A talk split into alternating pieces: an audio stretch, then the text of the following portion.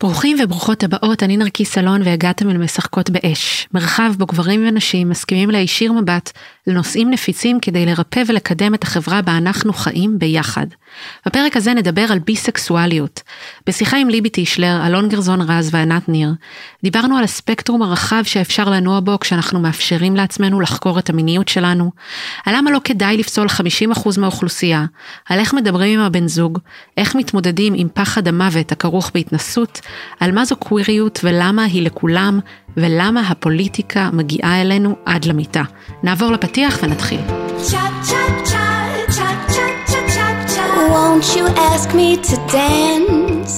פודקאסט משחקות באש ובחסות הספר אישה חיה.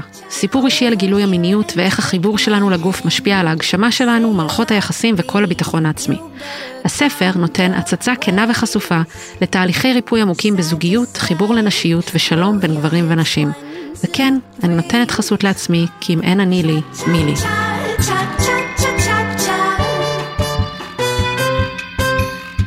ליבי טישלר היא אשת מיתוג, אסטרטגיה וקריאייטיב. היא סוכנת שינוי והיא רוצה שלאנשים יהיה יותר טוב בעולם, וגם פעם שנייה שהיא מתארחת בעונה הזו. רציתי קצת כזה לשמוע ממך מה זה הדבר הזה, כי אני חושבת שרוב האנשים שהם חושבים על הקהילה הלהט"בית, הם אומרים, טוב, קהילה להט"בית, אם מישהו משתייך ומגדיר את עצמו כחבר בקהילה הלהט"בית, זה אומר שאו שהוא גבר שרוצה להיות עם גברים, או שהוא אישה שרוצה להיות עם נשים. וזו כמובן ראייה מאוד מאוד צרה ושטוחה.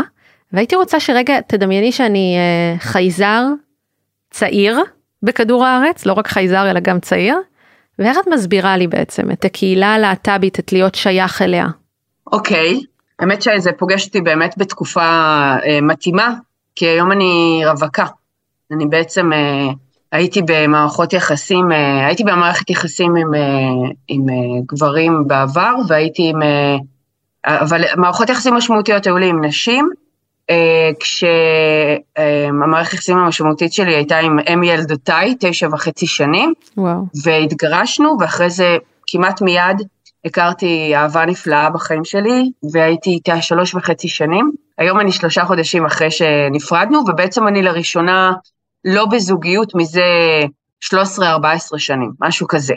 ואני באמת אה, בעצמי חוקרת את הפלואידיות שלי, כי אחד הדברים שמאוד מפתיעים האמת אנשים, זה שאני אומרת שאני אה, שאני אה, פתוחה ל, ל, ל, לכל המגדרים, לשני המגדרים, ואנשים פשוט, נורא נוח לאנשים, אם כבר אתה או את החייזר המתוק, אני אתחיל אולי מזה. אנשים מאוד מאוד צריכים את המגירות, מאוד מאוד צריכים את הדיכוטומיה כדי לעשות לעצמם סדר בחיים. בגלל זה האנושות והתרבות יצרה ב, ב, בהיסטוריה הארוכה יחסית את התנאים ההישרדותיים של, ש, שהם מוגדרים כזוגיות, כלומר, בעיקרון אה, נראה לי ש, שגם את יודעת, כאילו, שמונוגמיה זה המצאה אנושית בסופו של דבר, זה התחיל מ... אני לא הכי בקיאה בזה, אבל ברגע שנוצרה מודעות אה, משפטית לרכוש, והיה צריך להגדיר יחסים, יחסים שקשורים לרכוש, התחילו הגדרות היחסים של, אה, של קרבה אנושית, ברגע הזה בעצם נוצרו אה, ההגדרות של זוגיות. עכשיו, ברגע שנוצרה הגדרה של זוגיות, היא נוצרה קודם כל לפי ההישרדות הכי בסיסית של בני ובנות האדם, שזה גבר ואישה, כי אחרת, על פניו, אי אפשר להניע את הדור הבא. ולכן זה הדבר הכי, אני חושבת שכל דבר שאנחנו עושים בחיים, כל תופעה חברתית, כל תופעה כלכלית, הכל נוגע בהישרדות קמאית בסיסית. אנחנו uh, בעידן כזה שזה קצת uh, חולף ויש מלחמה על זה, כי הטכנולוגיה מפנה לנו מקום במוח. כבר לא צריך לזכור מספרי טלפון, לא צריך uh, לזכור איך להגיע הביתה כדי לא למות, כי יש ווייז, ויש לנו יותר מקום לפנות, לעשות uh, פודקאסטים, לדבר על וולנס, לדבר על הפלואידיות של המיניות שלנו. אז קהילה להט"בית. בעיקרון החברה האנושית ברגע שהיא הגדירה שזוגיות הטרוסקסואלית זה המיינסטרים, וזה מה ש... ואם לא יהיה את זה, לא יהיה אנושות, וואו. אז כל מה שהיה אחר נהיה מוקצה. זה אומר שיחסים הומוסקסואליים, יחסים בין נשים, יח... יח... יחסים אה, אורגיות, כל דבר שהוא כיף בעיקרון, אבל לא יושב על הישרדות, נחשב מוקצה. Uh, בעידן שלנו יש הרבה יותר uh, פתיחות, אבל זה התחיל, uh, יש לנו ancestors מאוד מדהימים בזה, אני יכולה להגיד שקהילת הלהט"ב זו הגדרה שמבחינתי קשה לי מאוד, כי היא גם אי דיכוטומית, כלומר, אני חלק מקהילת הלהט"ב, כן, אני חלק מהקהילה הזו כי אני אוהבת נשים, וזה אומר שאני לא בזוגיות סטנדרטית של גבר ואישה, אבל ההשתייכות שלי לקהילה מתחילה מצד אחד מתוך רצון בחברות, למצוא עוד אנשים, עוד נשים כמוני.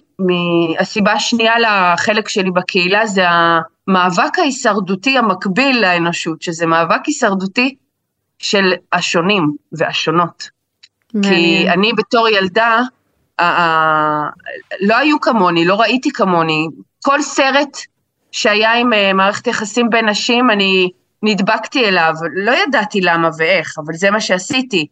אה, אולי יום אחד ניכנס לפטיש אה, סרטי כלא שהיה לי כילדה. כאילו, זה היה כזה, וואו, נשים בכלא. איזה מעניין, מה זה? כן, כי פשוט שם היו, היו רגעים בין נשים, שם הייתה אינטימיות בין נשים, שם היה... אה, ובמקומות אחרים לא מצאת את זה על המסך. לא היה על המסך, לא. וואו, כן.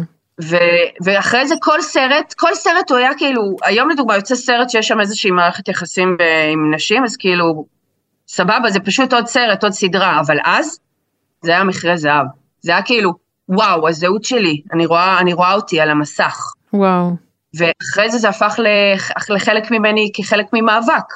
הזכויות הכי בסיסיות אה, נמנעות ממני, כמו להתחתן, להיות מוכרת כאם ילדותיי, דווקא אני עשיתי את זה בשלב שדווקא היה בסדר, אבל עדיין הייתי צריכה לעשות צו הורות, ואחרות עושות צו אימוץ, כל העיסוק הזה במשהו שהוא עוד קצת טרחה בחיים שלנו, מפריע.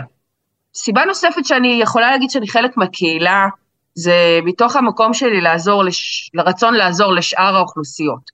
יש אה, נניח קהילת ההומואים, או לאנשים שהם מזדהים כהומוסקסואלים, אז יש קשיים אה, מורכבים יותר בלהביא ילדים לעולם, שזו הזכות הכי בסיסית.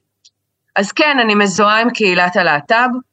אני, אה, כשהייתי צעירה יותר זה היה, נשאתי את הדגל, היום זה פחות מעסיק אותי, פחות מעניין אותי, אבל אני לוקחת חלק ומשתתפת במאבקים רלוונטיים, כמו שאני משתתפת במאבקים כלליים, שעכשיו נגד הרס הדמוקרטיה, זה פשוט כל מה שקשור לשוויון זכויות. אני יכולה להגיד שמבחינה מינית ומגדרית תמיד הייתי על איזשהו ספקטרום ולא ידעתי להגדיר את זה, גם היום. פעם אחת ילדה אמרה לי, היא שמה שפתון, ילדה בת איזה ארבע, ואמרתי לה, תביאי לי, גם אני רוצה לשים. עכשיו, לא רואים את זה בפודקאסט, מי שיש לי גם עניין אישי עם זה, שכאילו... רגע, בת כמה היית? כש... כשאת היית בת ארבע גם? לא, לא, הילדה הייתה בת ארבע, זה היה ממש לפני כמה שנים, אומר, ומי שלא לא רואים אותי בפודקאסט, אז יש לי כזה מגולח בצד של הראש, אה, ו, ו, ותכלס, כאילו, גילו לי שאני נראית לסבית, אני עד היום, מאוד מוזר לי, אבל אה, כי אני מבחינתי נראית כמו ליבי, לא... לא, לא אבל אומרים לך, אומרים לך שאת נראית את זה, זה רק בגלל השיער. יש לי הליכה, יש לי דיבור, אני, אני לא יודעת, תראו, אני, תראו, אה, אני לא, לא רואה... תראו, החברה האנושית, כאילו את פונה לבני האדם. כן, כן, כן תעזבו אותי בשקט כן, בעיקרון, כן. אבל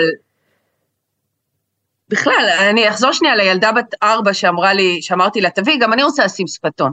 אז גם אני רוצה לשים אודם, אז היא אמרה לי, אבל את לא יכולה, את בן. וואו. והערבוב הזה, בגלל שיש לך שיער קצר. יש לי שיער קצר, אין לי, החזה שלי כמעט שטוח. יש המון בלבול של ילדים, האם אני בן או בת. אה, זה קורה לך, זה אה, דבר שקורה לך.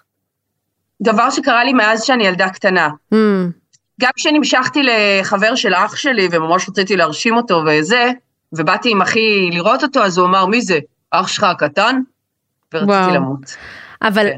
אבל את כ... כאילו זה פידבק שאת מקבלת בסביבה, אבל זה לא שלך יש איזושהי חוויה קווירית בקיום שלך, את ממש מרגישה אישה. אה, לא לגמרי, לא, אני מרגישה ערבוב לחלוטין. יש לי צדדים שאני מבינה את השונות שלי, נניח בתקשורת ובמערכות יחסים, אני מבינה שאני מתנהגת בצורה שנחשבת סטריאוטיפית יותר גברית. איך למשל? כלומר, אין לי כוח לחפירות, אה, אני מסתכלת על האישה שלי ואני, ואני רואה את המאפיינים הנשיים, ש, הקלאסיים, שעליהם עשו את הבדיחות ברמזור, שאני שונאת את זה, וזה מנציח שטויות. אבל אני מבינה, אני רואה את זה. גם במיניות, אני רואה את הערבוב בין, אה, נקרא לזה הזהות המגדרית, או מה שנהוג. יש בי את שני הצדדים. יש בי את הרצון להיות uh, בתפקידים המסורתיים האישה או הגבר, יש לי רצון להיות עם, עם נשים ועם גברים, יש לי, יש לי הכל, וזה גם יותר ויותר נפתח אחרי גיל 40. ויש לי היום, כשאני הרבה יותר, עברתי איזשהו, איזה שהם תהליכים של התפתחות uh, עצמית, יש לי הרבה יותר מקום לחקור את הדבר הזה והרבה יותר לגיטימציה. בתחילת הדרך המינית שלי אני חשבתי שאני סוטה. Mm. אני חשבתי שהתנועות שאני עושה בגוף והרצונות שאני רוצה הם סוטים, ממש, כאילו אני, בכל מערכת יחסים שהייתה לי, הייתה לי איזושהי התפתחות ופתיחות להבנה ש, שוואלה זה בסדר לעשות את התנועה הזו, לא רק שזה בסדר, זה כיף. ו... ו... את מדברת על תנועות ספציפיות בתוך אקט מיני? כן, זה קצת מביך אותי לא, אין בעיה. לפתוח. כן. לגמרי את האקטים המיניים, אבל בעיקרון אה, אני אנסה ל... אני אנסה לדבר על אנשים אחרים וזה יהיה לי יותר קל. בוא נגיד ככה. נניח יש. מישהו, נניח יש מישהו. כשאישה, כשאישה נמצאת עם אישה במיטה, ואת יודעת מה, זה לא משנה בכלל. אה, נשים, אנחנו, יש לנו גוף, אנחנו רוצות להתחכך, אנחנו רוצות להניע את האגן, לפעמים זה בסדר גם שאנחנו רוצות לעשות תנועות של הגבר ואני לא יודעת אם מותר להגיד פה ולזיין. עכשיו, הדבר הזה, אני לא, ככל שאני מתפתחת, אני לא חושבת שהוא קשור רק ללסביות. Mm-hmm. הוא לא mm. קשור רק לאהבה בין אישה לאישה. אני חושבת שזה ממש ממש לגיטימי ולא סוטה, שאישה תסתקרן מאיך זה יהיה אה, לזיין את הבן זוג שלה. Mm-hmm. יש מילה אחרת מלזיין שהיא יותר... אה, תגידי, אני, אני דווקא רוצה במקום להתעכב על לזיין, להתעכב על המילה סוטה, מה זה בכלל סוטה? אם אנחנו מדברות על עולם שבו כמובן אתה לא פוגע באף אחד וכולי ולא משתמש באלימות, אבל אם אנחנו מדברות על עולם שבו אנשים אה, חופשיים לחקור את המיניות שלהם, אז מה זה נחשב סוטה? הרי לכל אחד מאיתנו יש מיניות שהיא ייחודית, לא? תגיד במאה אחוז, אבל בדיוק אלה שני המושגים הסותרים, החופש לחקור את המיניות שלנו והמילה סטייה. כן. אני לא ידעתי שיש לי חופש לחקור את המיניות שלי. וואו. לקח לי הרבה הרבה שנים להבין את זה. איך גילית? לח... עם אה, שותפות, עם שותפות טובות. וואו. שותפות ממש טובות, הייתה לי, כאילו, הייתה לי גם, אה, איזה, היה לי איזשהו רגע בחיים שבו אה, אחרי זוגיות עם מישהי ש... הייתי באיזושהי מערכת יחסים אלימה קצת אה, עם מישהי, ואלימה כלפיי, ואחריה כל כך איבדתי אמון ביכולת שלי לבחור אה, זוגיות ואדם שיהיה לצידי, שלא הייתי עם אף אחד ואף אחת אה, שנתיים וחצי, וזה באמצע גיל ה-20 אני מדברת, אוקיי? אז לדוגמה באה מישהי, נכנסה לחיי כמו איזה רוח סערה, ותפסה אותי והייתה מין uh, סרוגייט. היא פשוט לימדה אותי לאהוב את עצמי ואת הגוף שלי, ושמותר לי להיות אני ולהשתחרר. זה היה, זו, זו דוגמה ל, לתהליך אחד, ולאורך השנים זה פשוט מתפתח.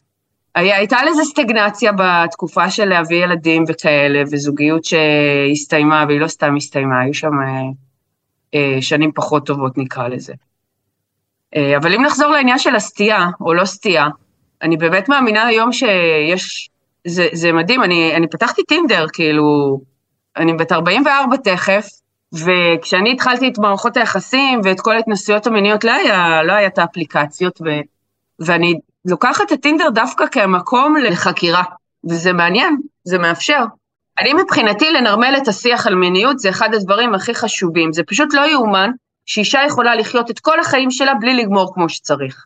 בלי לנסות להתנשק עם אישה, בלי לנסות אה, לגעת בגבר שלה בדרך אחרת, בלי לנסות לגעת בשני גברים בבת אחת, כאילו, יש כל כך הרבה לעשות בתחום הזה, וזה כל כך מוקצה וכאילו סוטה, ש, שזה כל כך עצוב. זה אחד החלקים הכי מדהימים בגוף שלו, אחת החוויות הכי מדהימות שיש לנו בעולם הזה זה מיניות. ואני ממש ממש ממליצה לעשות כמה שיותר נרמול של השיח וכמה שיותר להתנסות, לחקור, לברר. ו... תגידי, לפי החוויה שלך, מה ההבדל בין להיות עם גבר ללהיות עם אישה?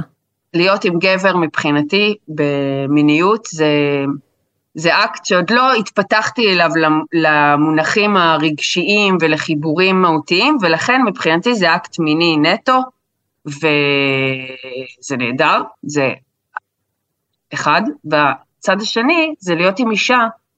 עם אישה יש לי ממש מערכת יחסים. גם אם זה רק אקט מיני, יש שם מערכת יחסים אה, הרבה יותר הדדית, ויש לי מטען רגשי הרבה יותר גדול כשאני עם אישה. קשה לי לעשות uh, סטוצים עם נשים, הרבה יותר קל לי לעשות uh, סטוצים עם גברים. וואי, זה מרתק, איזה קטע זה. בחיים לא הרגשת רגשות כלפי גבר? הרגשתי שאני מאוהבת כשהייתי עד גילאי כזה, ה-20 ומשהו קצת. היה לי חבר בצבא, אבל אגיד לך את האמת, זה שוב לא קשור למגדר. אני לא חושבת שידעתי אי פעם מה זה אהבה, כמו, כמו שהבנתי מה היא בשנים האחרונות. אה, בשנים האחרונות אני יותר ויותר מבינה שאהבה זה, זה להיות חופשייה ומשוחררת ליד בן אדם אחר בצורה הכי טוטאלית שיש, ולהרגיש טוב. אה, ואהבה זה הדדיות, ומערכת יחסים זה משהו שבונים ועובדים עליו. וכשהייתי פשוט צעירה יותר, חשבתי שזה כמו בסרטים, או כמו באל בנדי, ושזה ממש הגיוני שאני אהיה במערכת יחסים, ואקטר על זה ש... האישה שלי לא נותנת לי מספיק מין, או, ש, או שאני, או, כמו ברמזור כזה, אני חבר בדיכאון, אה, אז תלך לבקר אותו, כל מיני כאלה דברים שכאילו נראים לא הגיוניים, הם נראים לי ממש הגיוניים פעם. כן. אם הייתי מאוהבת בגבר, אני, אני חושבת שכן, אבל זה יותר הידלקות כזה. אני יכולה להגיד שבשנים האחרונות אני פוגשת יותר גברים שאני יכולה להתחבר אליהם. Hmm. אני חושבת שהרבה אנשים מפחדים להתנסות, בין אם זה גברים עם גברים או נשים עם נשים, או כי הם מפחדים שאם הם יעשו משהו שונה אז לא יהיה מזה צעד אחורה. זאת אומרת, כאילו זה גם הפחד להשתנות וזה גם הפחד שבהכרח אם אני עושה משהו אחר אז זה מגדיר אותי. ומה זה אומר עליי. ומה יש לך להגיד על דבר כזה? שיש לזה שני היבטים, אחד הפנימי ואחד החיצוני. בהיבט החיצוני, אני אתחיל דווקא מהפנימי, בהיבט הפנימי, שם יש את השיפוט. שם את יודעת שאם פעם אחת שכבתי עם אישה אז יכול לקרות עוד פעם, ואת יכולה גם להחליט שוואלה לא יקרה עוד פעם. אבל עדיין יש לך את הסימון הזה ב timeline של החיים שלך, ב timeline של הנפש שלך, שאת לא רק סטרייטית. למה? כי שכבתי עם אישה. ומכאן מתחילים התסבוכים על מה זה אומר עליי ואיך זה אומר עליי, שאת האמת, זה קשה, אבל צריך, כאילו אפשר לשבת ולחקור את זה ואפשר להניח לזה ולהגיד, התנסיתי, טעמתי גם אבוקדו, וואלה, היה טעים, אני אמשיך לאכול, לא היה טעים, אני עוברת הלאה. אז זה לא אומר מהותית על הזהות המינית, המגדרית, הקיומית שלך. והדבר, האספקט השני הוא האספקט החברתי, שזה בדיוק הפחד מהשיפוט שאנחנו עושות לעצמנו. אנחנו מפחדות על השיפוט הפנימי, ואנחנו משליכות אותו החוצה ואומרות, אוקיי, וואו, וואו, וואו. וזה נכון אגב, יש המון, המון אנשים ש, שעושים את ההנחות האלה של כאילו, אה, היא שכבה עם מישהי, אז ידעו. זה, אני, זה, זה עושה לי פשוט, זה, זה מעצבן אותי. זה מעצבן אותי כי זה גם מטריח אותי מאוד אישית בזהות שלי, אני שנאתי את המילה לסבית, ממש, לא יכולתי להוציא אותה מהפה שלי. לא יכולתי להגיד את המילה הזו בצעירותי, לקח לי המון שנים להגיד אותה, כי אני זוכרת את עצמי בת 14 אומרת, אה, שואלים אותי אם, אה, אם אני לסבית או משהו, אני אומרת, אני לא פוסלת אף אחד, למה לפסול 50% מהאוכלוסייה? ואני מאמינה בזה עד היום.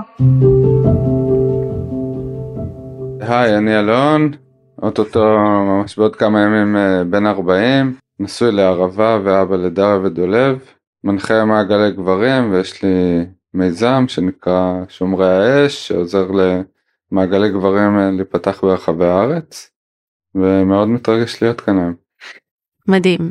אז אה, באמת אה, אלון ואני מכירים כמה שנים כי באמת בין היתר כמו שהוא שיתף הוא נשוי לערבה שהיא שותפה שלי בקבוצת משחקות באש ובאמת אחד הדברים היותר מסקרנים ומעוררי השראה בזוגיות שלכם זה החופש שאתם נותנים אחד לשנייה לחקור.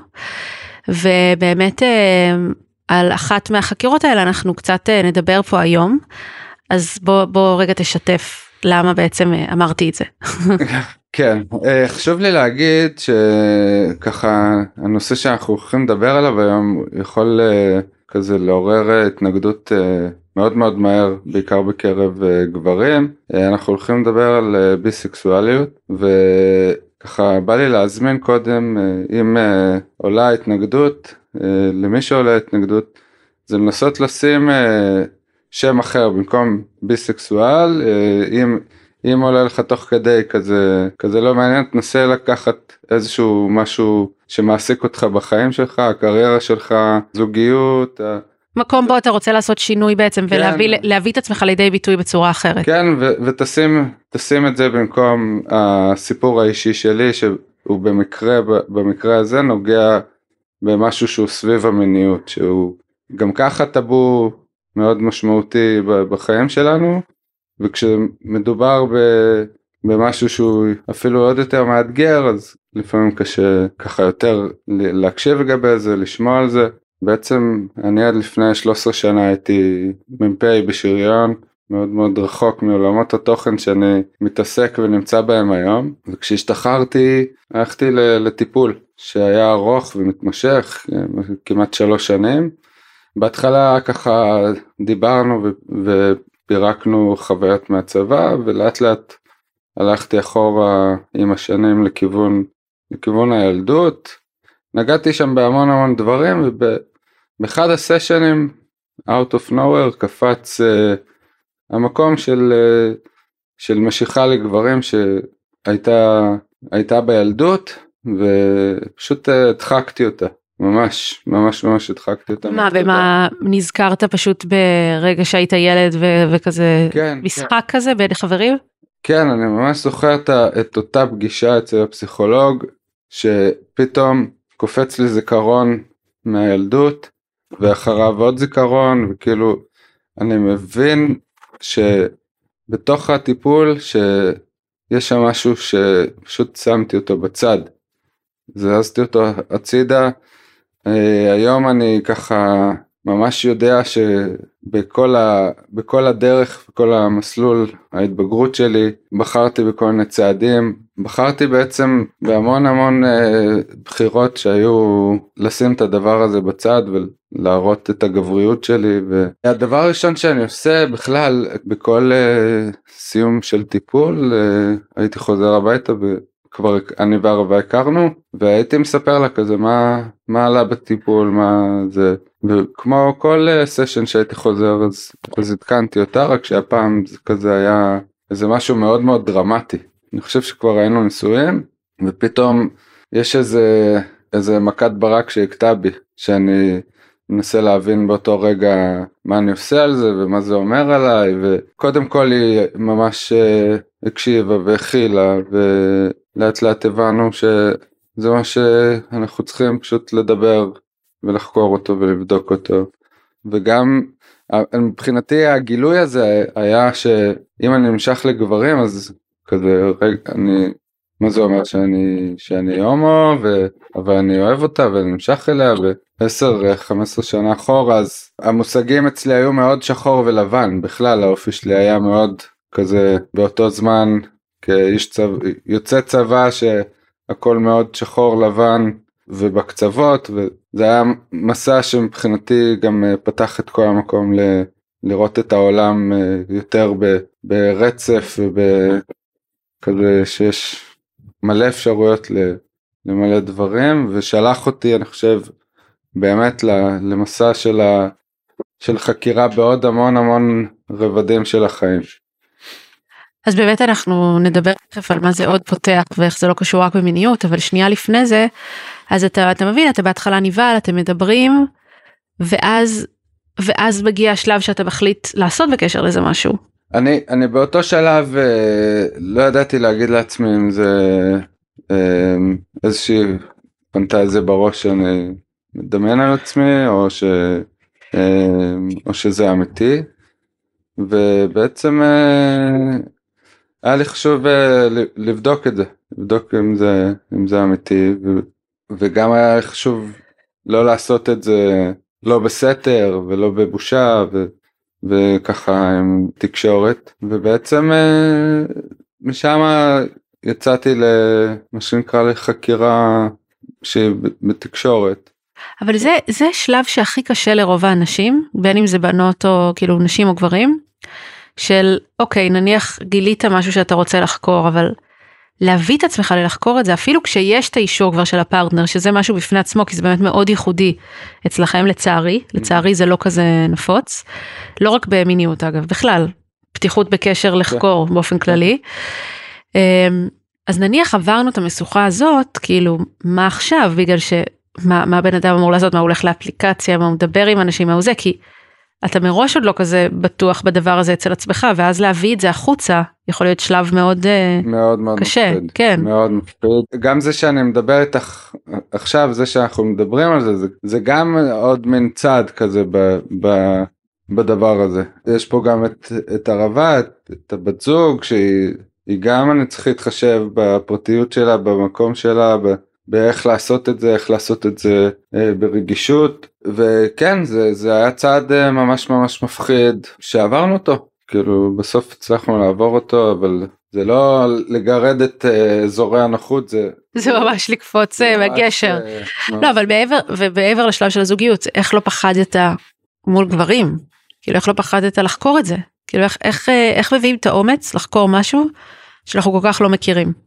פחדתי פחדתי אפילו פחד מוות פחדתי מההשלכות שזה יכול אה, לעורר אבל אני חושב שיותר הפחיד אותי לא לעשות את זה.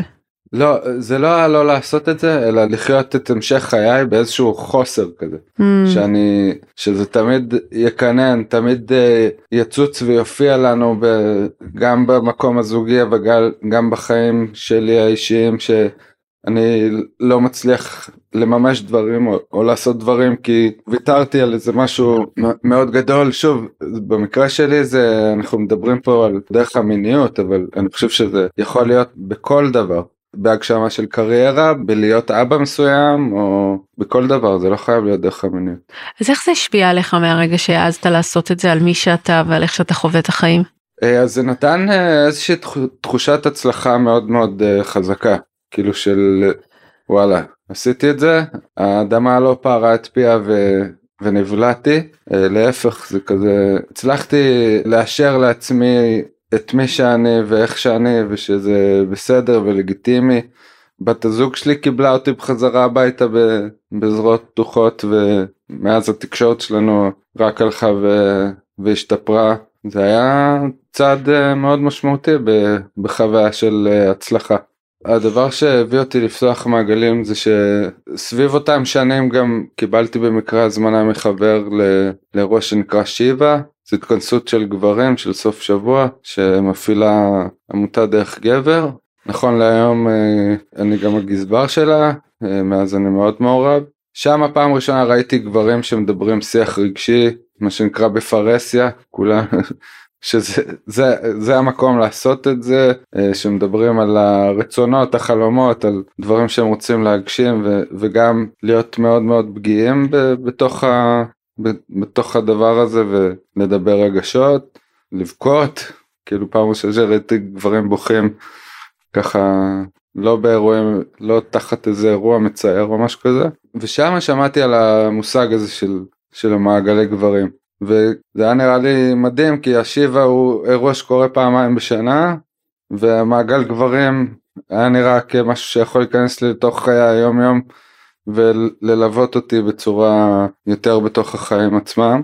וממש רציתי לה- למצוא מעגל אנחנו מדברים על אה, שש שנים אחורה. זה לא כאילו היום זה הרבה יותר נגיש, מדובר, כן, נמצא. יש מלא מנחים יש מלא קבוצות אבל לא הצלחתי למצוא לי מעגל אז פשוט אה, הקמת אחד, לעצמי. ומאז אתה עושה עוד... מאז אנחנו נפגשים כבר יותר מחמש שנים וואו, פעם בשבועיים וזה פשוט אה, הפך להיות מין דרך חיים. עוגן בחיים שלי כן.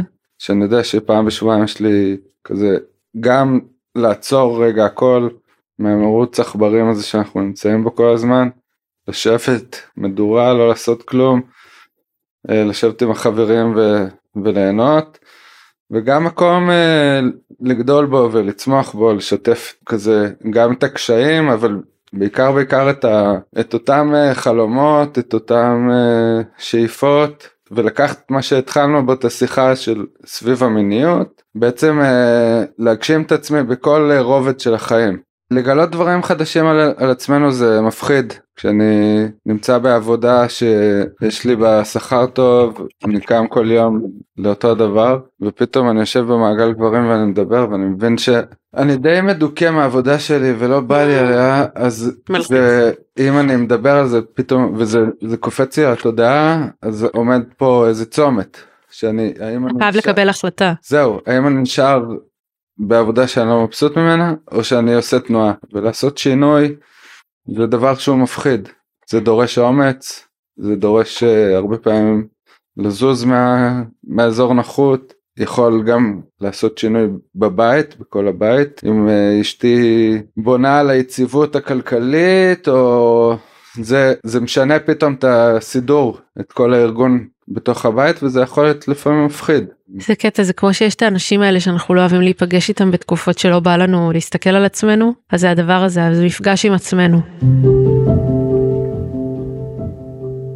קוראים לי ענת ניר, אני פעילה פמיניסטית ולהט"בית, כבר למעלה מ-20 שנים, אני יורית של פמיננסי שהיא מכללה כלכלית לנשים, ואני יועצת אסטרטגית לשינוי חברתי. אני מלווה עיריות, קרנות, אה, ארגונים לשינוי חברתי, בתהליך שלהם להפוך את החברה שלנו למוצלחת וחזקה וחסונה יותר. כשאת פוגשת אה, ילד אה, או ילדה בגיל חמש ואת צריכה להסביר להם אה, מה זה לסביות, איך היית מסבירה את זה? שזה עוד צורה של אהבה, שזה אהבה של אישה לאישה, שזה כולל גם להקים בית ביחד לפעמים, לעשות ילדים ביחד, לאהוב אחד את השנייה, להקים משפחה, להיות ערבות אחת לשנייה. אה, כמו שאנחנו אוהבים אחד את השני במשפחה, אז אותו, אותו, אותו אופן. ובשיחה של אה, מבוגרות, שאת מסתכלת היום אחורה עם כל הניסיון שיש לך גם בהיבט האישי שלך וגם uh, מהראייה החברתית שלך, מה בעצם ייחודי במערכות יחסים של נשים עם נשים? מה מתקיים שם? קודם כל, אה, אני חושבת שזה מערכות יחסים לוהטות ומהממות, זה כאילו אה, ברמת הנטייה המינית והאפשרות שיש שם בעיניי, וחוץ מזה אני חושבת שזה באמת אה, נפגש מול החברה, כלומר מערכות יחסים קוויריות בכלל ולסביות עוד יותר, כי זה שתי נשים ונשים הן נמצאות במקום ייחודי בחברה, וברגע שהן נפגשות לתוך קשר, הן בעצם שואלות שאלות מחדש אולי על הפטריארכיה, על המבנה, על הסדר הקיים שכולנו נמצאים ונמצאות בו, כי אין פה גבר, אין פה אה, מין עם גבר, אין פה מערכת יחסים עם גבר, אין פה גבר בבית מה שנקרא, אני מנסה להיצמד לכל מיני מקומות כאלה שאנחנו מכירות, שאנחנו מדמיינות מערכת יחסים או, או, או זוגיות או קשר או מפגש בין אנשים, עוד לפני המין וגם גם המין, אין פה גבר, וגבר אצלנו בחברה, בעולם, בכל מקום וגם בארץ, זה מודל מאוד מרכזי לאיך אמורים להתארגן החיים. אה, זה פוגש אותנו בכתובה, זה פוגש אותנו בלידה, זה פוגש אותנו בבגרות, זה פוגש אותנו בציפיות, כלומר בכל דבר, זה בעצם פתאום כל הציפיות שמופנות אלייך מהחברה אה, מקבלות איזה עיוות או הזדמנות, אה, או גם וגם, ו, וזה, וזה התמודדות, זה התמודדות וזה גם, וזה גם אפשרות מהממת לתיקון בעיניי, ככה אני רואה את זה בתור אישה קווירית, לסבית, ביסקסואלית, אני, אני עושה וי לכל הקטגוריות. אה, אני מאוד לסבית בתרבות שלי, אה, עשיתי מסיבות נשים הרבה שנים והפקתי את הגאווה ואני, כמו ששמעת בהתחלה, מגדירה את עצמי אקטיביסטית להט"בית, כלומר זה, זה חלק מהזהות שלי, אה, אבל אני גם ביסקסואלית ואני גם קווירית והדברים האלה הם מבחינתי גרים ביחד. אה, שזה אני חושבת תפיסה יותר חדשנית גם של מיניות, זה קשור לשאלה הראשונית, כלומר מה זה לסביות? זה תפיסה עצמית גם, זה לא רק אה, כשאת, כשאת באה במפגש עם מישהי, זה גם תפיסה עצמית, פוליטית, זו זהות פוליטית, מאוד. אוקיי, okay, אנחנו תכף ניגע באמת בהקשר של הזהות הפוליטית, אבל אני רוצה רגע להתעכב למתחילים ומתחילות, שרגע תסבירי מה זה אומר קווירית. קוויר, עוד פעם, כל המושגים אה, הלהט"בים ובכלל כל מיני מושגים שמגיעים אלינו משפה זרה במקור, כי הומואים ולסביות היה בהתחלה בישראל נעימים ונעמות בסוף שנות ה-70, שאלו את זה מהתנ"ך, כאילו אה, רות ונעמי, דוד ויונתן, אהבתך נעמה לי מאהבת נשים, אוקיי? בהתחלה היינו נעימים ונעמות ואז נהיינו הומו, הומואים ולסביות, זה הגיע. gays and lesbians, כאילו הומו אותו דבר וזה, כלומר התחלנו לעשות תהליך של תרגום, אותו דבר לגבי קוויריות, קוויר אחר, שונה, זה התרגום, אה, אחרות, שונות, ו, ועוד פעם, מאחר וקוויריות היא זהות פוליטית, אז אני בוחרת לתרגם אותה כאחרות, כשונות, כ, כיכולת להגיד על עצמי, אני, ה, אני האחר. אה, בעיניי זה, זה זהות שיש בה כוח, כן? זה כמו ש... שטרנסיות לפעמים אה, אומרות על עצמם שהן קוקסינליות וקוקסינל או, או ששחורים אומרים אחד לשני ניגר. כאילו יש משהו בלקחת את הכינויי אה, גנאי שאומרים עלינו ולהשתמש בהם אה, באיזשהו אופן של מטמורפוזה לעשות איתם איזושהי עבודה. אז אולי קוויריות היא לא כזה כינוי גנאי למרות שהיא כן גם כינוי גנאי.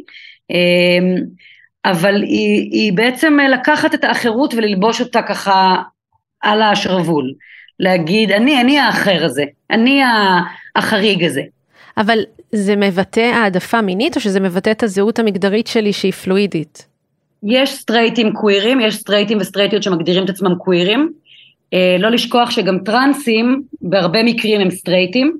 והם הם, הם קווירים, הם חלק מהקהילה הגאה, הקהילה הקווירית, הקהילה הלהטבקית, הלהט"בית, כל אחד שמגדיר איך שהוא אוהב את ההגדרות, כן אני בעד ונגד ההגדרות, ההגדרות עוזרות לנו למצוא את עצמנו, אבל הם גם, אחר כך אנחנו כלואים בתוך מיני, כל מיני אה, מזוודות והגדרות, אז בהחלט יש סטרייטים קווירים, כאילו קוויריות, החירות, היא איזשהו מקום לחשיבה אחרת, אז מקומות נגיד במיניות שקל לנו לראות את זה, זה פולי אמוריה ומערכות יחסים אלטרנטיביות, אוקיי? יש בזה משהו קווירי, mm. אוקיי? אם, אם אנחנו רוצות להתחיל להבין מה זה, אה, אבל זה גם יכול להיות במראה, זה יכול להיות בתפיסה פוליטית אה, ממש מה שנקרא מפלגתית או מדינית, זה יכול להיות בכל דבר שאני עושה באופן שונה, שגורם לי לשים את עצמי תחת ה... מטריה קווירית, שגורם לי להזדהות. מה, איך תפיסה פוליטית, איך תפיסה פוליטית יכולה להיות קווירית? עוד פעם, בכל מקום שבו אני מרגיש, כי הגדרה היא משהו שאני שמה את עצמי תחתיו, אני קוראת איזה טקסט או אני אה, קוראת איזה כותבת קווירית ואני רואה את הקשרים שהיא עושה בין זהויות שנמצאות לדיק, בדיכוי לבין נושאים שנמצאים במדינה, או כמו שאמרתי קודם על פטריארכיה, שזה גם ממסד שהוא פוליטי, אוקיי? כאילו זה שאנחנו מסכימות להתחתן עם uh, רב תחת כתובה, שבעצם מציבה אותנו כרכוש, אז אם נגיד אני לא עושה את זה, זה פוליטי, אולי זה קווירי, mm. אולי אני מגדירה את עצמי קווירית ככה. אבל זה יכול להיות שנגיד בן אדם אומר, טוב, אני מאמין בתיאוריות קונספירציה, זה הופך אותו לקווירי? בן אדם יכול להגדיר את עצמו כקוויר ואתה לא יכול לקחת את זה ממנו. הבנתי. בן אדם גם יכול לא להתחתן ברבנות ולהגיד אני ממש לא קוויר, אני פשוט מערער על מוסד הרבנות, אוקיי? זה... כן. אה, אני יכולה להיות לסבית ולא להגדיר את עצמי כקווירית ולהגיד אני הקווירים האלה, זה לא, אני ממש... אה, אז זה כל לא דבר אבל שהוא בעצם לא עם המיינסטרים, שהוא שונה, ושבן אדם מזהה את עצמו ככה בבחירות שלו, זה לאו דווקא קשור למגדר או מיניות.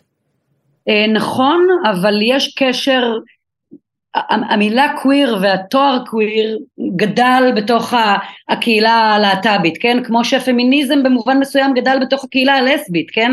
כלומר בכל מקום שאת רואה מאבק פמיניסטי ועושים עליו אחר כך תיעוד היסטורי בשורש שלו, היו קבוצות נשים שחורות וקבוצות נשים לסביות, שחורות מאיזשהו סוג, כן? כלומר משהו השחור באותו מקום, כמו שאצלנו נגיד יש אה, עדה אתיופית, יש מזרחים, זה השחורים במדינת ישראל, ולכן המאבק המזרחי והמאבק הלסבי תמיד אה, נמצאים בכל מיני שורשים של מאבקים אה, מאוד מאוד מרכזיים פה, והקוויריות היא באיזשהו מקום גדלה בתוך הקהילה הלהט"בית, אבל היא לא נשארה שם. בדיוק כמו שהמאבק הפמיניסטי באיזשהו מקום התחיל תמיד מאיזשהו זרע של נשים קוויריות, לסביות, אבל זה לא נשאר שם, כן? זה מאבק של כל, כל אחת ואחד מאיתנו בעיניי, אבל זה לאט לאט עושה את הדרך שלו. אז בעצם מה שאנחנו עושות עכשיו בשיחה הזו, זה לאפשר לעוד אנשים אה, לחשוב את עצמם דרך מש, משקפיים קוויריות. כן. תגידי, איך את מסבירה את זה שבשורש של כל מאבק אה, פמיניסטי היו גם נשים לסביות? למה? דיכוי, דיכוי, אה, חוויה של דיכוי והזדהות עם דיכוי ויכולת אה, לחשוב אלטרנטיבה. כשאת לא, דיברנו קודם, אז מה זה, מה זה, מה זה לסביות לבן אדם מבוגר?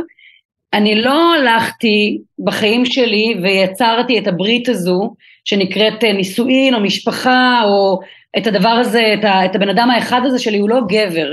וברגע שזה לא זה, אני ממש זוכרת ש... שכשחשבתי על עצמי בתור לסבית, הייתי בצבא כשכזה פתאום נפל לי האסימון רגע הראשוני, אני זוכרת שממש היה לי דימוי של עוגת חתן כלה שנמסה, ממש לנגד עיני רוחי מה שנקרא, וכאילו משהו שהיה לי בראש, הוא לא יהיה יותר, וברגע שאת נמצאת במקום הזה, את פתאום חושבת את האלטרנטיבה, זאת הופכת להיות השפה שלך, כי את לא מתאימה למשהו שנמצא בנורמה. עכשיו, כן. זה לא קורה לנו רק בלסביות, כן? אבל לסביות אה, הן בדיכוי חברתי ממש רציני, בגלל שהן נשים בחברה אז הן אה, בדיכוי אה, אה, מרוויחות פחות, נמצאות פחות בספירה הציבורית, יותר אחראיות על גידול של ילדים ו... אה, על טיפול בקרובים אה, שנמצאים במצב בריאותי או משפחתי לא טוב, יותר אחראיות על כל הקהילה הפנימית והכל. נשים זה כאילו התפקיד שלנו בחברה וכשאנחנו לסביות אז אנחנו בעצם משק בית מוחלש, אוקיי? שתי נשים שנמצאות בדיכוי הזה, אה, ואם אנחנו לסביות בוטשות למשל, כן, מה שנקרא, עוד פעם, בוטש זה לא בדיוק הגדרה של זהות אה, חיצונית, אבל זה הפך ככה בישראל, לא, לא בטוח שלכל הגדרה שווה שניכנס עד הסוף, לא יישאר לנו זמן, אבל בוא נגיד נראות בוצ'ית, אוקיי? כאילו מה שאנחנו אומרות אישה בוצ'ית, כאילו בנראות שלה, אישה שאולי יש לה שיער קצר, מתלבשת יותר אה, מה שאנחנו בחברה קוראים לו לבוש גברי, אוקיי? עניבות, אה, חליפות, אה, מכנסי דגמח, לא יודעת, כאילו כל הקלישאות, כן? שזה עוד פעם, מפקיעים מאיתנו את היכולת פשוט ללבוש מה שאנחנו רוצים ורוצות, אותו דבר קורה לגברים כמובן, וגם לסטרייטים כמובן, אבל נשים לסביות שהן הולכות בנראות בוצ'ית, וברור שהן לסביות ברחוב, אוקיי? בואו לא יותר מדי נתנחמד ונתייפייף. נשים שמובהק שהן לסביות ברחוב, הן חוות עוד צורה של דיכוי, ונשים שהן, אה, את יודעת, אם אני אתנשק עם הבת זוג שלי במועדון אה, לילה, כן, בקלאב של סטרייטים, אז יכול להיות שיסתכלו עליי באיזה דרך מאוד מחפיצה, או ירצו להציע לי להצטרף כאילו לשלישייה, או זה יהיה ברור שמותר לגעת בי, כן, זה, זה נכון עד היום. וזה נכון גם בתל אביב, זה נכון גם בבירת העולם הפלורליסטית המשגשגת של חיי הלילה תל אביב. זה לא משהו שנשאר בשנות התשעים, שזו חוויה שזכורה לי ממועדון פעם. אה, ולמרות הדיבורים על מרחב בטוח ומידברן וקהילות ו, אה, ואסור לצלם ומותר לצלם, עדיין אם את לסבית במועדון, עם, עם, עם איפסטרים מתל אביב, אה, וזה יכולה להיות חוויה מאוד לא פשוטה. אז השאלה שלי רגע לפני שאנחנו זה, זה למה מבחינתך הפמיניזם הוא מאבק של כולנו? כאילו למה, למה זה כל כך מובן מאליו שלגברים צריך להיות אכפת מזה, שלכולם צריך להיות אכפת מזה? כי אנחנו הולכים ומתגלגלים לכיוון סדר חברתי שהוא בלתי נסבל, אנחנו בעולם שיש בו מלחמות, שהקיימות בו היא, היא המשאבים שלנו הולכים ומדלדלים, שחצי מהאוכלוסייה, יותר מחצי מהאוכלוסייה למעשה, נמצא בדיכוי ולא נמצא בצמתי קבלת החלטות באופן שהוא מספק, וככה אנחנו לא שותפות להובלה של תהליכים של חברת תקינה ובריאה. וחברת תקינה ובריאה היא טובה בשביל כולם, היא טובה גם בשביל גברים, היא טובה גם בשביל הבנות של הגברים האלה, בשביל הבנות זוג שלהם, בשביל האימהות שלהם, בשביל האחיות שלהם, אה, אבל היא טובה גם בשביל גברים עצמם, כלומר, אה, בכלל מגדר הוא רצף מסוים, כבר הבנו את זה. אז, אז נכון, יש איזו דיכוטומיה בעולם בין גברים ונשים, יש, יש מגדר, הוא משחק תפקיד, אבל בתוך זה יש ציבור מאוד גדול שלא נמצא בהיקף של ה... שהוא אמור להיות מיוצג ב... באמת בשולחן קבלת ההחלטות בסופו של דבר, כן? כל שולחן, מוועד בית ועד uh, ממשלה. Uh, ואנחנו סתם, עכשיו סיימתי קורס של משא ומתן uh, מדיני בראייה מגדרית, על בסיס החלטה של האו"ם שנקראת 1325, שזו החלטה שמכירה בחשיבות של uh, פשוט נוכחות של נשים בתוך uh, משא ומתן מדיני, ולמה הדבר הזה הוא כל כך חשוב?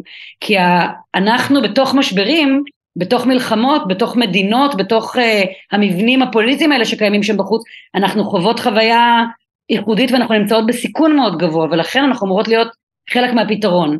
במקומות בעולם שלמדתי עליהם לאחרונה, שנשים היו שותפות, או שנשים הובילו כל מיני מהלכים uh, שהיו קשורים להשכנת שלום, זה היו uh, דברים מאוד מעוררי השראה. אגב, דיברנו קודם על כסף, אני גם, אה, כמו שאמרתי, אורית של מכללה כלכלית לנשים שנקראת פמיננסי, שהקימה אותה אמי זיכרונה לברכה, דוקטור לילי ניר, ואני ממשיכה את דרכה.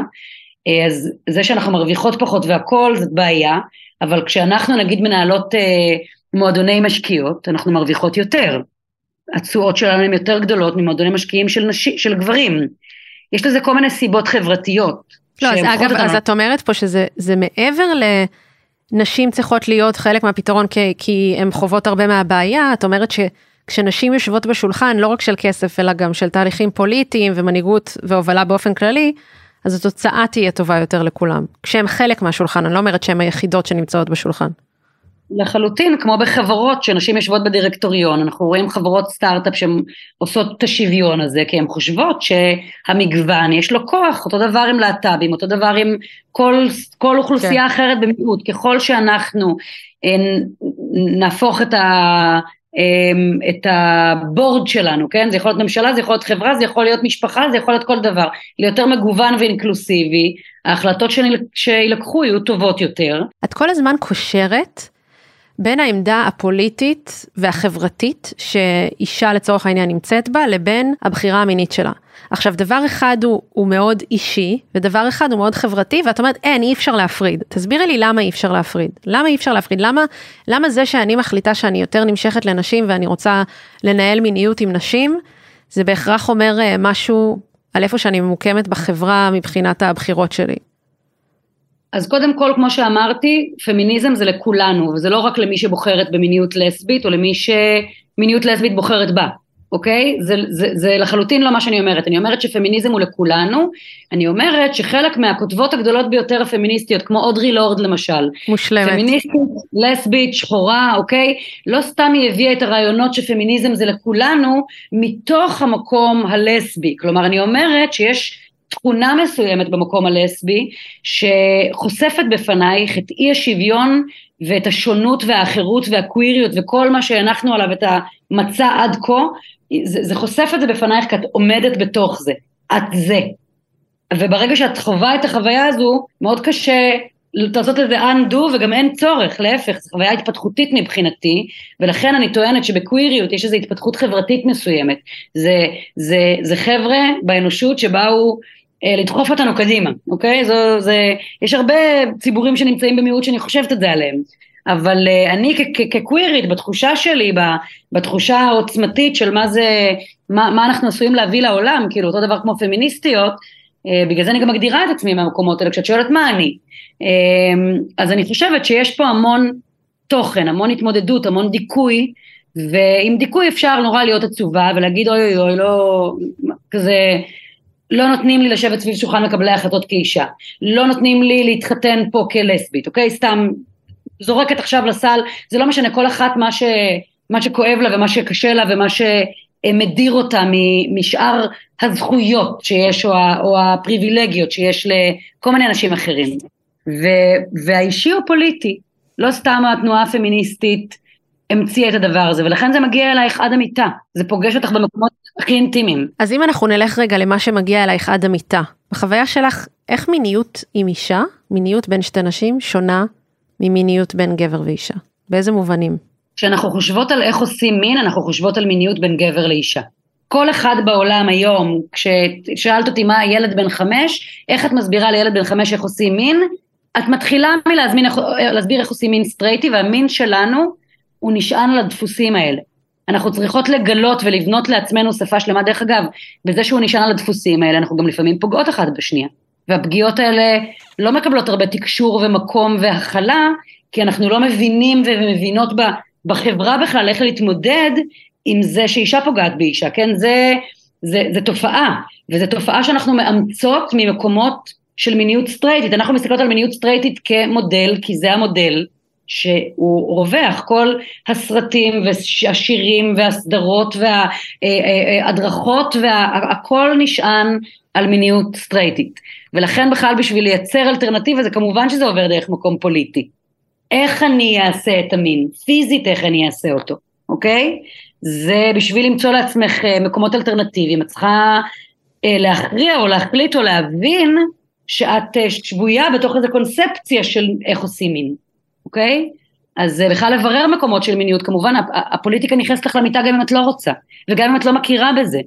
אני, את יודעת, אנחנו עושות שיחה שבה אני מכירה בזה, או, או מעניין לדבר על זה ולפתוח את הרובד הזה, אבל גם אם את לא מכירה בזה שזאת בעיה שנשים לא מקבלות החלטות בממשלה, זה עדיין משפיע על החיים שלך שרק גברים מקבלים שם החלטות. גם אם את מכירה בזה וגם אם לא, בעיניי. אותו דבר, גם אם את מכירה בזה שהמין שלך כלסבית הוא פוליטי, וגם אם לא, זה עדיין הוא פוליטי. כי עדיין מכפיפים לך איך לחשוב ומה לעשות ו- ואיך להתנהל ואיך לגנוח ואיך לגמור ואיך כל הדברים האלה הם לא משהו שהוא הגיע למיינסטרים מתוך הלסביות ו- ולכן יש פה אלטרנטיבה מאוד גדולה אה, והזדמנות מאוד גדולה. לכן אנחנו חוזרות לתקציר שלי שלסביות הן לא הטוב. תגידי, את מרגישה שפורנו, הרי יש הרבה אנשים שאומרים שפורנו הוא גם דרך של הפטריארכיה לבוא ולהגיד לנו בואו תתנהגו ככה במיטה זה מה שמותר. אבל יש היום הרבה מאוד ג'אנרים של פורנו נכון? יש לך אה, יש היום מלא משחקי תפקידים מלא היפוכי תפקידים וכולי. אז את מרגישה ש, שזה גם חתרני? או שבהכרח רוב הפורנו מדובר במיינסטרים ובמה שהוכתב. עוד פעם פורנו הוא דרך אה, מה שנקרא במרכאות נהדרת להכתיב לנו מה להיות שאנחנו גם לא יכולות להיות את זה זה בלתי אפשרי. אז אה, זה, זה, זה לא כל כך מיטיב עם נשים התפקיד שלהם בעולם הפורנו המיינסטרימי, ולערער על עולם הפורנו בכל מיני דרכים, מבפנים או מבחוץ, זה דברים שאני מאוד מעריכה אותם, אה, אבל צריך לשים לב, כמו שאודרי לורד שאנחנו חוזרות אליה אמרה, שאמרה שכלי האדון לעולם לא יפרקו את בית האדון. Mm. אני רואה במשפט הזה, אפשר להבין אותו בכל מיני דרכים, אני רואה בו איזה אקסיומה, אז צריך לשים לב שכשאנחנו עושות פורנו פמיניסטי, פורנו לסבי, פורנו קווירי, פורנו אחר, פורנו פורץ גבולות, אנחנו לא בעצם משרתות את אותה תעשייה. זה, זה, זה הדרך שלי לבחון אם משהו הוא, בכלל השם פורנו הוא, אמ, אני, יש לי שאלות לגביו. לא, אבל מצד שני, את בעשייה שלך, את מעורבת בפוליטיקה, את מעורבת בעולם הפיננסי, זה גם שני דברים שהם לגמרי כלי האדון. אני, אני המון פעמים חושבת האם בפמיננסי אנחנו נותנות אה, דגים או חכות. המון פעמים אני חושבת על זה באופן ביקורתי, על הדברים שאני עושה, גם בפוליטיקה. אה, אני המון פעמים חושבת, אה, האם אני, כלי האדון אה, יפרקו את בית האדון? כלומר, האם אני עושה משהו שהוא בתוך הפטריארכיה ואני פשוט מלמדת נשים איך להסתדר כלכלית בתוך המצב הקיים ולא פורטת את הדרך, או האם אני נותנת לנשים חכות וכוח ועוצמה כלכלית כדי שלא יצטרכו להישאר במערכות יחסים שלא מטיבות איתם, כדי שיוכלו להתפתח ולהתקדם, כדי שיגיעו לעמדות הנהגה. זה באמת מדיר שנה מעיניי לפעמים, את שואלת שאלות מעולות. את יודעת שמה שהזכרת לי, אני מספרת על זה גם בספר שלי, יש קטע ש... בספר שלי אני מדברת על התהליך שעברתי כדי uh, להצליח, uh, כדי להפסיק לסבול מהמיניות שלי בגדול ושיפסיק uh, לכאוב לי ביחסי מין, לגלות את העונג וכולי, ובחלק מזה uh, היה איזשהו סשן שעשיתי טיפול מיני אצל אישה. ובעצם זה אומר שאני הייתי בחדר עם אישה, ו... uh, ואת יודעת, uh, אפשר לומר שהייתה איזושהי אינטימיות בינינו, למרות שכאילו זה, זה בגדר טיפול וכאלה. ואני זוכרת את התחושה שהרגשתי שעוד רגע מישהו ייכנס ויקלע אותי. כי אני, אני זוכרת, זו הייתה איזושהי תחושה מאוד עמוקה, שאני עושה עכשיו משהו שהוא אסור. עכשיו, אין לי איך להסביר את זה, כי אף אחד לא אמר שזה אסור בצורה מפורשת, אוקיי? ועדיין זה ממש תחושה שאמרתי, וואו, כאילו, זה לא היה תחושה של בושה או שיביכו אותי, זה לא היה קשור לנידוי חברתי, זה ממש היה קשור לאותה תחושה של נרדפות. אז אני, אני מרגישה שמה שאת אומרת הוא טבוע בנו בצורה כל כך עמוקה, שאנחנו לא יודעות, לא יודעות אפילו לשים לב לזה, ודבר שני שאני רוצה להגיד שכמה שהזכרנו את אודרי לורד, זה המאמר הכי יפה, אחד היפים שקראתי לדעתי, והיא נורא מדברת שם על איך כשהסטנדרט, כאילו, וזה מאוד מה שאני מאמינה ומה שאני מדברת עליו גם, שהסטנדרט שלנו, בחדר אחד בהכרח משפיע על הסטנדרט שלנו בחדר אחר. אז אם יש לך סטנדרט מסוים של עונג, אוקיי, שאת נמצאת, היא מספרת שם על להיות מתחת לשמש עם גוף של אישה לצורך העניין, אז זה בהכרח ישפיע על איך שאת בוחרת את העבודה שלך ואת כל המערכות יחסים שלך, ובכלל את הדברים שקורים לך ביום יום, לא משנה באיזה, באיזו ספירה. ואז מה שאת אומרת פה זה, אם את מסכימה לחשוב מחדש על המיניות שלך, אז את תסכימי לחשוב מחדש על הכל. ואת תסכימי בעצם ליצור את החיים ולעצב את החיים ואת החברה כמו שאת מאמינה. וזו בעיניי קוויריות. כן. זו בעיניי קוויריות, ולכן קוויריות היא לא חייבת להישאר רק בעולם הלהט"בי, כמו שפמיניזם לא חייב להישאר רק בעולם של נשים. כלומר, זה לכולם. זה, זה לפרוץ דפוסים של מחשבה ולהתעקש לייצר חדרים שהם מתנהלים אחרת. כדי לחשוב באופן אלטרנטיבי צריך לבנות שפה שלמה. ולבנות את השפה הזו זה עבודה. ולא לכולם יש כוח, ואנחנו גם ככה בדיכוי. לי, לשמחתי, יש כוח לדברים האלה, וזה מעורר בי המון עניין, ולכן אני מגדירה את עצמי דרך המקומות האלה, כדי שאני אשאף אליהם, כן, אוקיי? כי זה מכריח אותך. בדיוק, זה, זה, זה הפרקסיס, כאילו אני, אני מגדירה את עצמי, אני, אני קולטת בשיחה איתך, כאילו שזה נורא יפה, כי זה מחזיר אותי להגדרה העצמית שלי, אני מגדירה את עצמי, מה, תגיד, תספרי על עצמך, אני פעילה פמיניסטית ולהט"בית, כמה אני אומרת את זה כל, כל הזמן, בכל מיני, אה, ביום יום שלי והכל, איזה מין הגדרה הזאת, כן? כאילו, זו הגדרה, אבל, אבל זאת הגדרה שאני מאוד שלמה איתה, כי היא מייצרת אלטרנטיבה, ואם בן אדם כמוני יכול להראות את עצמו בציבור, כאישה, ובגלל זה אני חוזרת ללסביות, כן? עכשיו, גם ביסקסואליות היא מאוד חשובה. היא מאוד מאוד חשובה, היא חשובה לפרק שלם בפני עצמה, אבל בכל זאת הלסביות היא מבחינתי זהות פוליטית, והמין הלסבי הוא מין פוליטי, ו, ו, ועוד פעם אני חוזרת לזה שזה אותי לא מתיש, מבחינתי זה מה שהופך את זה ללוהט, ואני חוזרת למקום הזה שבאלטרנטיבה, מבחינתי יש ג'וי, זה הכל מתחבר. תודה שהייתם איתנו. לתיאור הפרק אני מצרפת כישורים מעניינים לכל המרואיינים שהיו פה, וכמובן גם לספר שלי אישה חיה. תודה רבה לליבי אלון וענת על השיחות, ולזק אביעד על העריכה. אתם מוזמנים להצטרף לקבוצת הפייסבוק שלנו משחקות באש, ולהמשיך שם את הדיון על יחסים, גברים, נשים ומיניות.